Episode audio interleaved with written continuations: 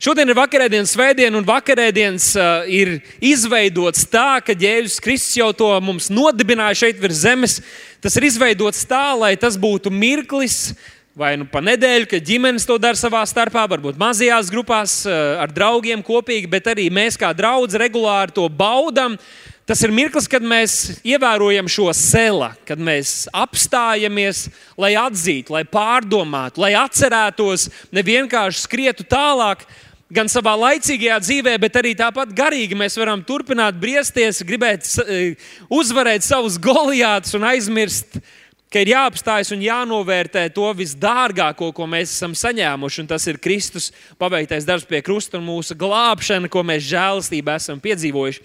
Bet šis vakarēdienas notikums, kad Jēzus Kristus to nodibināja, daudz un dažādi mākslinieki ir centušies to attēlot. Gadu simtiem, tūkstošiem ilgi veidojuši kādus mākslas darbus, un viens no populārākajiem ir Leonardo da Vinci veidotais mākslas darbs, pēdējās vakariņas, jeb arī svētais vakarēdienas, kas tika tika izveidots aptuveni 1495. gadā.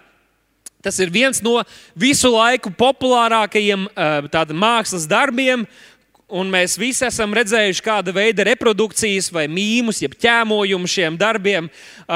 Tas, kas varbūt būs jauns kādam no jums, šis mākslas darbs atrodas Itālijā, Milānā, kādā klosterī. Un eh, tā nav glezna, kas vienkārši būtu uzgleznota un uh, kaut kur būtu apskatāma, bet uh, tā ir 4,9 metrus uh, plaša siena, kurā šis mākslas darbs tika izveidots. Ne tikai gleznojot, bet arī nu, tāda jauna tehnoloģija tajā laikā tika veidota arī ar grepšanu saistīta. Un, tā kā maz no tā sākotnējā ir saglabājies, daudz kas ir atjaunots. Bet, ja gadījumā jums kāds blakus sēž un viņš jums saka, atnāc pie manis pēc dievkalpojuma mājās, man ir oriģināls, tad neticiet viņam. Ja, viņam nav, ja viņš nedzīvo klosterī Milānā, tad neiet pie viņa. Bet tā mēs dodamies uz Jāņa evanģēlī 13. nodaļu, kur gan nebūs Jānis ir vienīgais no evanģēlī autoriem, kurš nav aprakstījis šo svētā vakarēdienu iestādījuma not, pašu to notikumu kā tādu, bet ir iedevis mums mazliet kontekstu. Es gribētu drusku tam pieskarties, līdz mēs tiekam līdz pašam vakarēdienam, nu, šim notikumam. Un lasīsim no pirmā panta. Es gribētu, lai jūs lasat kopā ar mani un ik pa laikam iespējams apstāsimies. Tātad, bet Lasiet kopā ar mani skaļi. Bet pirms Paskā svētkiem, zinādams, ka viņa stunda bija nākusi un ka viņam no šīs pasaules ir jāiet pie tēva, Jēzus parādīja savējiem, saka, savējiem. Jēzus parādīja savējiem, ko tas šī pasaulē bija mīlējis, savu mīlestību līdz galam. Wow, tā tad savējie, saka, tu esi savējais. Pasakādam blakus sēdošajiem, tu esi savējais. Jēzus parādīja saviem, kurus viņš īpaši bija mīlējis, jo mēs zinām, ka viņš visu pasauli bija mīlējis, tāpēc viņš nāca šajā pasaulē, bet viņš īpaši bija mīlējis tos, kas ir savējie. Viņš parādīja mīlestību līdz galam. Un, protams, ka mums tas visbiežākais veids, kā mēs eh, runājam par Dieva mīlestību, par to, ko Jēzus paveicis, ka tā mīlestība parādījās līdz galam, kad? Tad, kad viņš tika atšķirts no tēva, kad viņš gāja šo ciešanu ceļu, kad viņš nomira pie krusta un trīs dienas, kad viņš bija atšķirts no tēva, līdz viņš augšām cēlās. Trešajā dienā, gluži kā mans dēls, trešās dienas rītā izgāja no dzemdību nama, tāpat, kā saka, īsts kristietis tā, tā, tā dara. Bet es ticu, ka šis vārds, un ka mēs skatāmies šī vārda nozīmi līdz galam, nerunā par laika posmu. Līdz galam bet tas drīzāk runā par viņa mīlestības intensitāti. Runā par to pakāpi, kādā kāda rīcība var tikt darīta. Jūs jau zināt, tu vari aiziet uz darbu un atrasties darbā, bet strādāt uz 20%. Vai ne? Tu vari atrasties kopā ar saviem draugiem, un jums ir saruna, bet tu vari klausīties un piedalīties tikai uz 50%, vienlaicīgi esot kaut kur citur. Kādi pat ir, tas ir ļoti rēts gadījums, bet aiziet uz darbu vai kad kaut ko dara, dara to simts procentiem ar simtprocentīgu atdevi. Bet šeit Jēzus, par Jēzu ir teikts, ka viņš parādīja šo mīlestību līdz galam. Tātad tas ir vēl pārāk, tāda simtprocentīgi, bet vēl mazliet drusku, vēl drusciņu vairāk. Viņš parādīja to mums. Un interesanti, ka šie vārdi runātu par tiem notikumiem, kas notiks tālāk. Ne, nevis par viņa krusta nāvi, kas būs vēl pēc kāda laika, bet par to, ko mēs šodien lasīsim. Viņš parādīja savu mīlestību līdz galam. Tādā pārākajā pakāpē parādīja savu mīlestību ar to ilustrāciju, ko tālāk mēs lasīsim ar notiekošo. Otrais pāns - vakariņa sēdot, kad jau Vēlns jūdam, Sīmaņa dēlam, izkarjotam, kas bija viens no Jēzus mācekļiem, kurus viņš bija aicinājis, bija sirdī iedevis viņu nodot, un šajā mirklī es arī gribētu apstāties. Jūda ir viens no Jēzus aicinātajiem. Viņš dzirdēja Jēzus balsi, Jēzus viņu skatījās un teica, seko man, un viņš atsaucās. Mēs nezinām, kāda bija viņa motīva. Varbūt viņam bija pavisam grūti apstākļi, kur viņš dzīvoja. Es neesmu tik daudz pētījis par jūtu. Varbūt viņam tā situācija bija tāda, viņam vienkārši bija jātiek prom no vis. Un viņš teica, nē, labāk es sekošu šim cilvēkam, nekā palikšu tur, kur es esmu. Mēs nezinām, kāda bija viņa motivācija, bet viņš sekoja Jēzum. Viņš pieredzēja brīnumus, viņš redzēja zīmes un brīnumus, viņš dzirdēja viņa patiesības vārdus. Bet Visam tam pa vidu viņš nebija pilnībā uzticējies Kristum. Viņš nebija pilnībā pieņēmis viņu par to, kas viņš ir. Un viņš pilnībā neticēja viņa vārdiem. Un viņa prātā iešāvās doma, ka viņš varētu piepelnīties, parūpēties par savu nākotni. Nevis domāt par kalpošanu, par jēzu, par to, viņu, ko viņš sludina, bet mazliet parūpēties par sevi, izmantot šo situāciju un nodot jēzu. Un tas, kas šajā raksturvietā spilgti parādās, ir tas, ka nevienmēr visas mūsu domas ir mūsu domas. Ne visas mūsu domas ir mūsu domas. Mums kādreiz šķiet, mēs paši to izdomājām. Mēs acīm redzam, mēs acīm redzam tā jūtamies un to vēlamies. Bet tas, ka tev ir tāda doma, nenozīmē obligāti, ka tā ir tava doma. Kādreiz vienkārši kā draugu kaut ko paziņo, mēs redzam kādu reklāmu, tās arī mūs ietekmē, mēs redzam kādu filmu, kaut kādu situāciju, un tā ietekmē mūsu domāšanas ceļus. Un mēs domājam to, ko mēs paši negribētu nemaz domāt, mēs darām to, ko mēs negribētu darīt. Bet šeit Jēzus pasakā, ir vēl kāds spēks, kas ietekmē mūsu, var ietekmē, var ietekmēt mūsu sirdi un mūsu prātu, un tas ir šis demoniskā ietekme. Jūda atradās visvētākajā vietā. Tu vari sēdēt draudzē, bet tev var nākt domas, kuras tev ved prom no Dieva, kuras tev ved pie grēka, kuras tev ved nodoties pasaulīgām lietām. Tas, ka tavs dibens ir īstajā vietā, nenozīmē, ka tava galva ir īstajā vietā. Par to mums pašiem ir jāuzņemās atbildība. Dēmonis spēks, un ziniet, viņš tieši tā tas arī notiek. Tu centies koncentrēties, bet ir kādas domas, ir kaut kādas mazi, mazas būtiņas, kas tiek iešautas, ko sākumā tev šķiet smieklīgi, bet ja mēs tās pieņemam, tās kļūst par daļu no mums un noved mūs līdz tai rīcībai, kādu mēs nevēlamies, kādu mēs redzam arī jūdas notikumu, jūdas pieredzē. Par to Pāvils 2. vēstulē korintiešiem 10. nodaļā, viņš 5. pantā saka, mēs apgāžam prātojumus un visas augstprātīgas iedomas, kas paceļas pret Dieva atziņu, pret Dieva vārdu atziņu un uzvaram visus prātus, lai tie kristumi ir paklausīgi. Angļu valodas tulkojums saka, man, manuprāt, vēl precīzāk. Viņi saka, ka mēs sagūstam katru domu.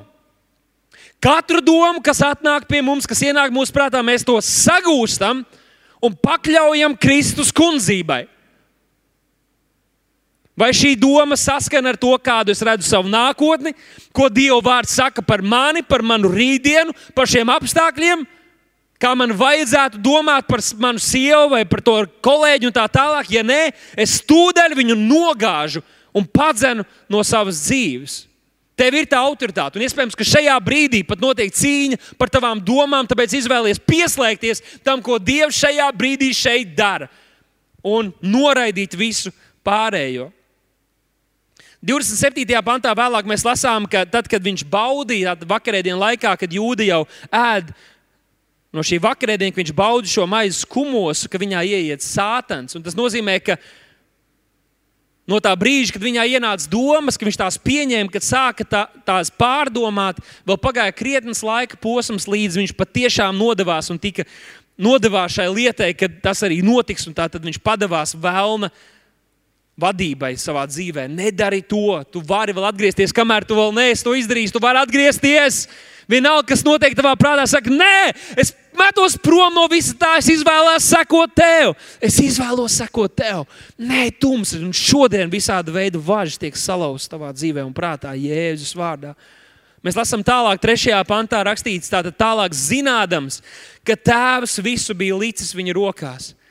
Un ka viņš pie dieva aiziet, kā viņš no dieva ir nācis, Jēzus ceļas no vakariņām, noliek savas zolīdās drēbes, ņem priekšsautu un apsien to. Pēc tam viņš ielai ūdeni traukā un sāk mācekļiem kājas mazgāt un tā žāvēt ar priekšautu, ko viņš bija apsējis. Un šis ir mirklis, kad es gribētu, lai mēs apstājamies vēlreiz. Viņš parādīja savu mīlestību pārākajā pakāpē, un kad mēs iedzinamies šajā notikumā, mēs sapratīsim, cik tas ir neprātīgs, neprātīgs mīlestības pierādījums, ko Jēzus tur tajā brīdī dara. Kāju mazgāšana nebija saimnieku pienākums. Tas nebija, ka tu aizēji pie kāda ciemos, līdzīgi kā mēs šodien atveram durvis un parādām, kur vannas istabā var rokas nomazgāt. Tas nebija kaut kas, ko saimnieki darīja. To darīja vergi un kalpi. Tajā laikā zemākās, zemākie sabiedrības locekļi, ja vispār viņi par tādiem tika uzskatīti. Un Jēzus tur rakstīts, ka viņš apzinoties, zinot to atbildību, kas ir pār viņa dzīvi, to, to smagumu, ko viņš nesīs par visas cilvēces glābšanu saviem pleciem, pilnībā apzinoties, kas viņš ir un kāpēc viņš ir atnācis šeit virs zemes. Nevis kājas mazgāt, bet izglābt cilvēci tur pie saviem savējiem, pie saviem tuvākajiem. Visa radītājs Dievs, kungu kungs un ķēniņš ķēniņš, noliec uz saviem ceļiem šo pīšļu priekšā, nepilnīgo, grēcīgo, nožēlojamo pīšļu priekšā. Pats ķēniņš noliecas, lai mazgātu viņiem kājas. Ir grūti par to domāt. Es esmu bijis kāzās, kad jaunais vīrs mazgā savas jaunās sievas kājas, un viņi iepriekš vēl ir aizgājuši tās nomazgāt. Bet... Kad tā pazemoties, ka visa valdītājs tik ļoti var pazemoties, lai kalpotu mums, lai mazgātu tavas netīrās kājas, lai šķīstītu tavu sirdi. Sastajā pantā mēs ejam tālāk, kad viņš nāk pie Sīmaņa Pētera. Tad viņš jau vairākiem kājas ir nomazgājis. Viņš nāk pie Sīmaņa Pētera. Tad tas viņam saka, Pēters saka, kungs, vai tu man mazgās kājas? Jēzus atbild viņam, ko es daru, tu to tagad nezini. Bet pēc tam tu to sapratīsi. Ziniet, Jēzus kalpo šiem cilvēkiem pilnībā apzinoties, ka viņi nespēja tagad to saprast un nevar to novērtēt. Tas ir vēl grūtāk, tas ir vēl smagāk. Cik grūti ir kādam, teiksim, tu gribi palīdzēt, bet tu redz, ka tas cilvēks nenovērtē, ka viņam pat nešķiet, ka tas ir kaut kas nozīmīgs, ko tu dari. Un tu jau tu dari viņa pēc, bet tev tik un tā gribētos, lai viņš saprot, cik kaut kas vērtīgs tas ir. Tas tāpat vecāki par saviem bērniem un, un citādāk. Un Jēzus to dara pilnībā apzinoties, ka viņi vispār nesapratīs, ko tas nozīmē. Tad 8. pantā Pēters viņam atbild, Varat lasīt kopā ar mani, ko viņš saka. Nemūžam tu man nemazgāsi kājas. Pēters ziņā ir labi tas, ka viņš nebija tas, kurš mēģināja tur tieši pa vidusceļu kaut kur izlienēt. Viņš teica, vai nu nekad, vai uz vīpu, uz pilnu klapu, vai nu nekad, vai es pilnībā nododos. Viņš saka, nemūžam tu man nemazgāsi kājas. Un ziniet ko? Tajā brīdī tā bija pareiza atbilde. Pēterim bija atklāsme par to, kas viņš ir. Ja kādam būtu jāmazgā otram kājas, tas bija Pēters. Pēterim tas bija jādara. Bet Jēzus bija viņiem mācījis un teicis, lielākais Dieva valstībā ir ne tas, kuram kalpo, bet tas, kurš kalpo. Un Jēzus to demonstrēja. Viņš atnāk pie Pētera. Un man šķiet, ka kādreiz mūsu pirmā reakcija uz šo notikumu ir nedaudz smieklīga, un mēs domājam, Pēter, nu kā, kā tu atbildēji? Viņš, tas taču ir tik loģiski, ka tev vajadzēja ļaut Jēzum to visu darīt. Bet vai nav tā, nav tā ka arī mēs līdzīgi reaģējam uz Dieva apsolījumiem? Vai nav tā, ka mēs līdzīgi reaģējam uz Dieva apsolījumiem, domājam, ka mēs parādām pazemību, domājam, ka mēs parādām īstu dievbijību? Nē, man pietiek. Man jau ir gana, man jau ir labi. Pēterim bija jābūt pietiekami pazemīgam, lai saprotot pilnīgi, ka tas bija atgārni, ka viņš to nav pelnījis, lai tomēr pieņemtu šo pazemīgo kalpošanu no Kristus, visas pasaules glābēja. Kad Dievs ienāk tavā dzīvē un viņš saka, es gribu tevi dziedināt, Es sūtīšu savu vārdu, dziedināšu tevi. Tā ir lepnība teikt, nē, es pats tikšu galā, man nevajag tavu palīdzību. Kad Dievs grib svētīt tavu finansiāli, tavu karjeru, tavu biznesu, Tavā darba vietā viņš grib svētīt tevi. Tas ir, tā ir augstprātīgi, tā ir lepnība teikt, nē, Dievs, lai gan Jēzus tu samaksāji visdārgāko cenu, lai arī to es iemantotu, man tas nav vajadzīgs, esmu pietiekami pazemīgs. Un es zinu, ka nav viegli pieņemt palīdzību. Man pašam ir. Es domāju, ka mums daudziem tā ir prasīt palīdzību. Mēs drīzāk kādreiz pavadīsim divas dienas, darbojoties, nekā paprasīsim kādam palīdzību, kurš to varētu izdarīt piecās minūtēs. Kādreiz nav viegli pieņem, pieņemt to, ka kāds atnāk un saka, es, es gribu jūs svētīt. Un tavs pirmās domas ir, uh, ir tas cits, kam ir vairāk vajadzīgs. Es ne, cerams, ka es kaut kā neuzprasījos, neparādīju, ka man kaut, kā, kaut kas vajadzīgs. Tā ir arī pazemība, spēt pieņemt. Kaut vai tos pašus komplimentus arī mēs latvieši nemākam pieņemt. Man ļoti bieži ir ļoti grūti pieņemt, ka kāds kaut ko labu pasakā. Tā ir, tā ir savā ziņā lepnība un augstprātība, ka mēs tā darām. Un Pēters šeit to parāda, un es domāju, vai nav tā, ka mēs arī līdzīgi darām. Jo lepnība ir abos variantos, kad pirmais ir, ka mēs gribam daudz vairāk, mums tā kā nevajag krist, mums vajag tās lietas, ko viņš var dot. Bet arī no otras puses, ka mēs sakām, labi, es tikai gribu nonākt debesīs, bet vispārējo jēzu, ko tu man sagādāji, maksājot visdārgāko cenu, pataupi to sev. Kad viņi caurdur tā roka to tev sniedz, mums būtu pareizi to pieņemt, ja pat mēs nejūtamies ērti un komfortabli.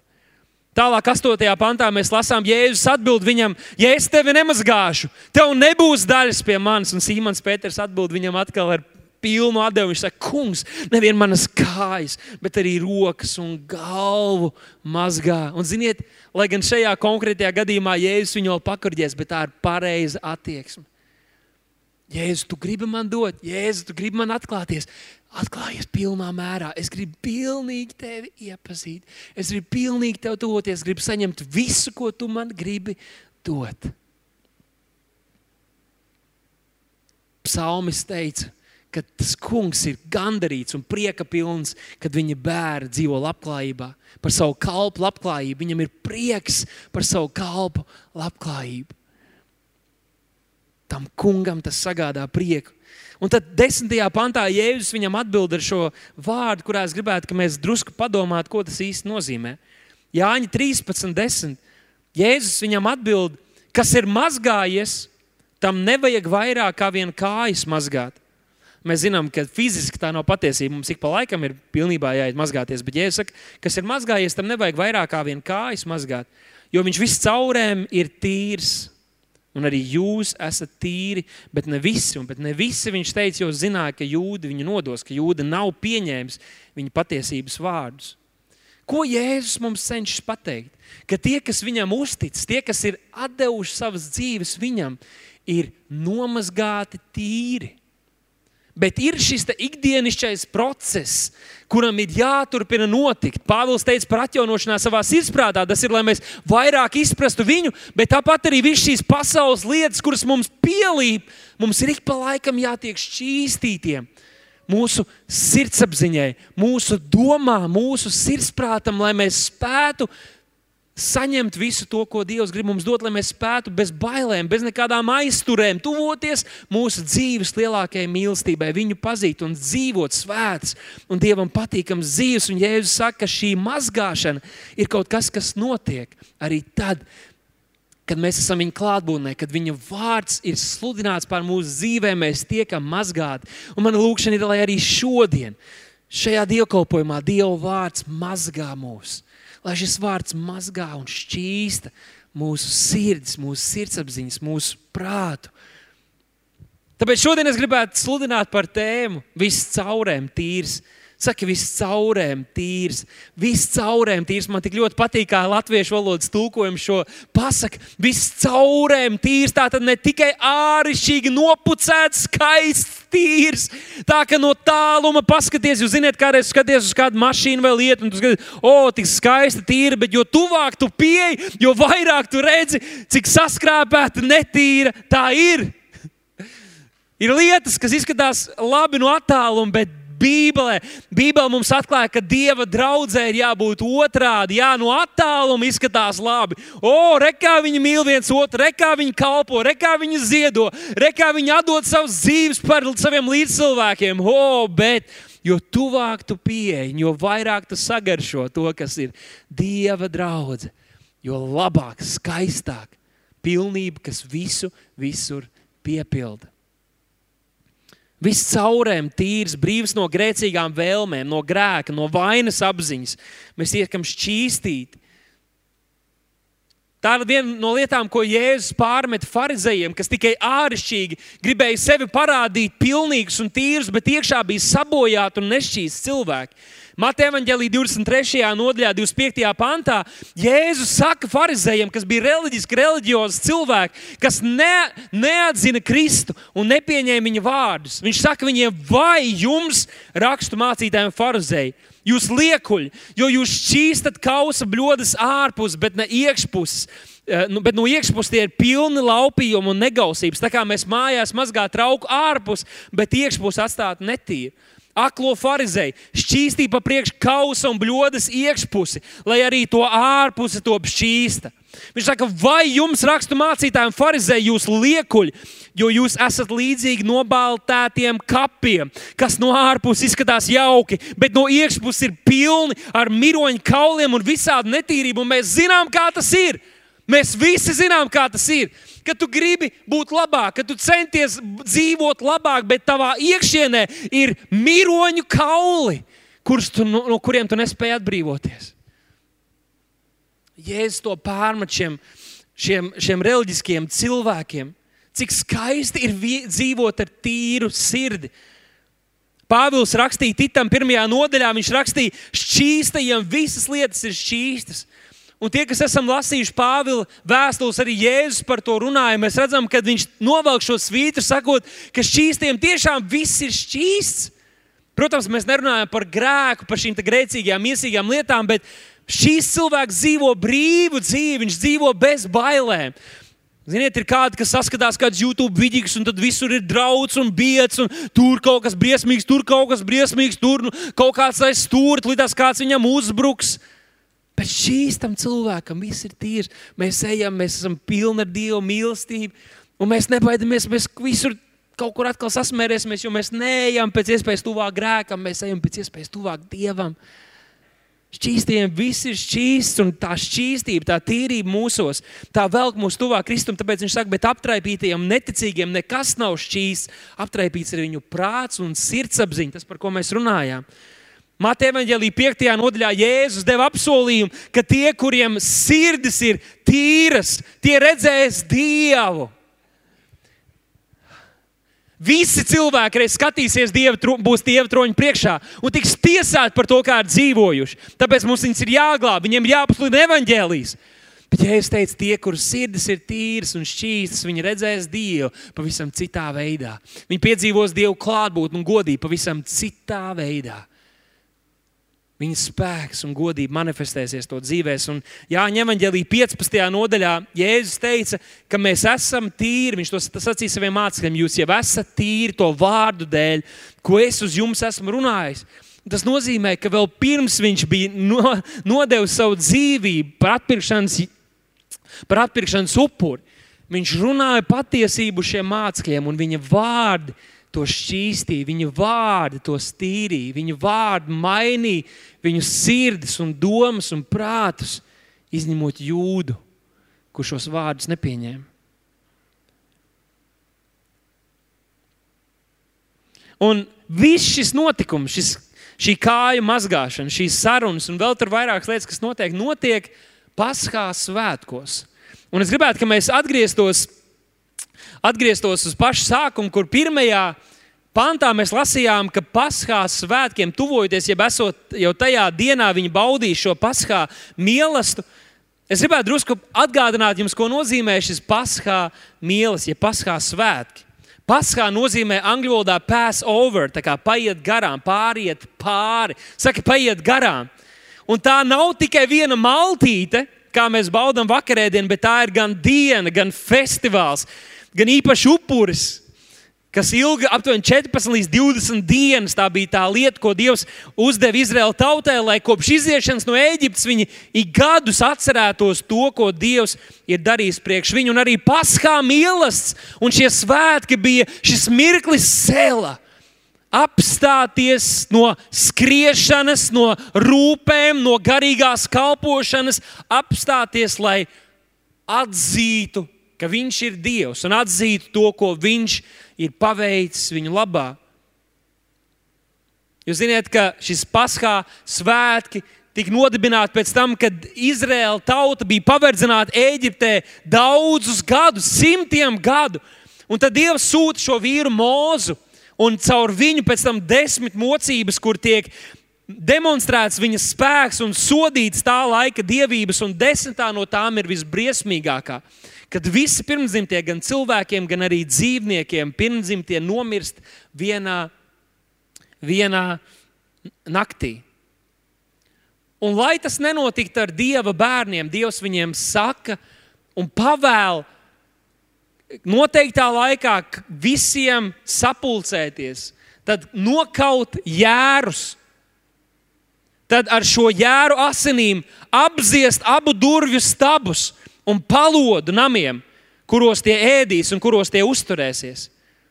Tad viņiem būtu jāēd šī gaļa, lai tā pirms tam ir uzcepta, tad viņi ēd arī neraudzētu maizi ar rūkstošām zālēm. To viņi ēdīs. Un tad 13. pantā viņiem tiek pateikti šādi vārdi, un asinis, lai ir jūsu glābšanas zīme tajos namos, kuros jūs mītat. Asinis glābšanas zīme.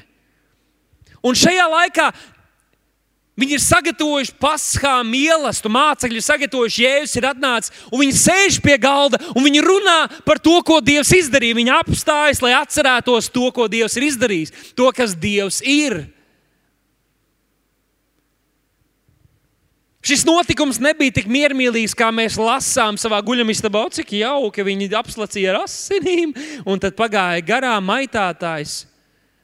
Tas bija ļoti nu, tāds vardarbīgs, netīrs process. Šie jēri tika nokauti visās malās. Viņi tika saplēsti gabalos, lai pēc tam varētu veidot uzcept šo gaļu, un katrs varētu dabūt pa gabaliņam. Ar šo jēru asinīm tika apziestas viņu nezinu, mājas, būdiņas, nezinu, kas, kur viņi dzīvoja. Nebija nekas dišs, tāpēc mēs saprotam, ka viņiem nav durvis, ir tikai tādas kā ailes ieejas malās, kuras viņi var apziest. Un tad tagad viss tur ir asinīs. Pār viņu ieejas durvīm ir asins, jērs ir saplēsts gabalos. Un tagad viņi mājās iet, un Dievs viņiem saka, jūs tikai esat gatavi, uzvelciet drēbes, esat gatavi, jo kaut kas notiks. Tā kā jūs ēdīsiet, kaut kas notiks. Viņi bauda šo gaļu, viņi ēd šo maizi, viņi dzer šo vīnu. Un pēc kāda laika viņi sāk dzirdēt raudāšanu, raudāšanu, raudāšanu. Kaut kas ir noticis. Un pēc mirkļa ienāk saimnieks, saka, ejiet prom! Un notiek liela kustība. Notiek liela kustība. Un Jēzus ar mācekļiem šo pārunā tagad. Un tad viņi bauda to. Un tad pēkšņi Jēzus pagriež šo sarunas būtību citā virzienā. Viņš iedibina kaut ko jaunu. Un šeit es gribētu, lai mēs pārliektu uz Marka evaņģēlīja 14. nodaļu kur 22. pantā mēs lasām, un tiem ēdot šo paskā mīlestību, Jēzus paņem maizi, svēta to un pārlauž to un dod to viņiem, sacīdams, ņemiet, tā ir mana miesa. Un viņš ņem biķeri un viņš pateicis Dievam, un tad dod to mācekļiem, un viņš saka, un tie visi dzer, un viņš saka, šīs ir manas derības asins, kas par daudziem tiek izlietas. Ja mēs zinām, ka jēra asins gan vecās derības upurēšanā, gan arī tajā noteiktajā mirklī nešķīstīja šos cilvēkus, viņi vēl aizvien bija baiļu pārņemti, ka maitātājs var nepamanīt šīs asins, ka tas var ienākt viņu būdiņās. Jo viņu sirdis vēl aizvien bija grēka pilns un nešķīsts. Grēks bija tikai apklāts asins tikai palīdzēja, lai vienreiz paiet garām, nākamreiz viņi atkal dzīvoja bailēs. Tad šeit Jēzus skatās uz saviem mācekļiem. Viņš saka, atcerieties to, kas toreiz notika. Bet šoreiz mums jēru nevajadzēs. Jo dzīvais Dieva jērs, svētais Dieva jērs, kas nes pasaules grēkus, ir šodien pie viena galda ar jums. Un kad viņš lauž šo maizi, viņš saka, tā mana miesa tiks salauzta. Lai jūs būtu dziedināti. Mana miesa tiks salauzta, es cietīšu, lai jūs no tā tiktu pasargāti. Viņš saka, šīs asinis, šis dzēriens ir asinis. Jaunajā darbā manas asinis, kas par jums tiek izlietas. Un līdzīgi kā Eģiptē, šīs jēra asinis pasargāja jūsu brāļus no maitātāja. Tā manas svētās asins tiks izlietas pār jums, un jūs nevien āršķirīgi būsiet apzīmogot, bet tās asins ir pietiekami stipras, lai ieiet jūsos un radītu jūs par jauniem cilvēkiem, nomazgātu jūs baltākus, kāds ir sniegs. Lai jums nebūtu jādzīvo bailēs no dieva, no cilvēkiem, lai jums nebūtu jādzīvo nepārtrauktā vainas apziņā, Jūs grēki tiks aizsaukt tālāk no vienas pasaules malas līdz otrai, tā ka tos vairs nepieminēs. Es cietīšu, lai jūs varētu piedzīvot Dieva klātbūtni.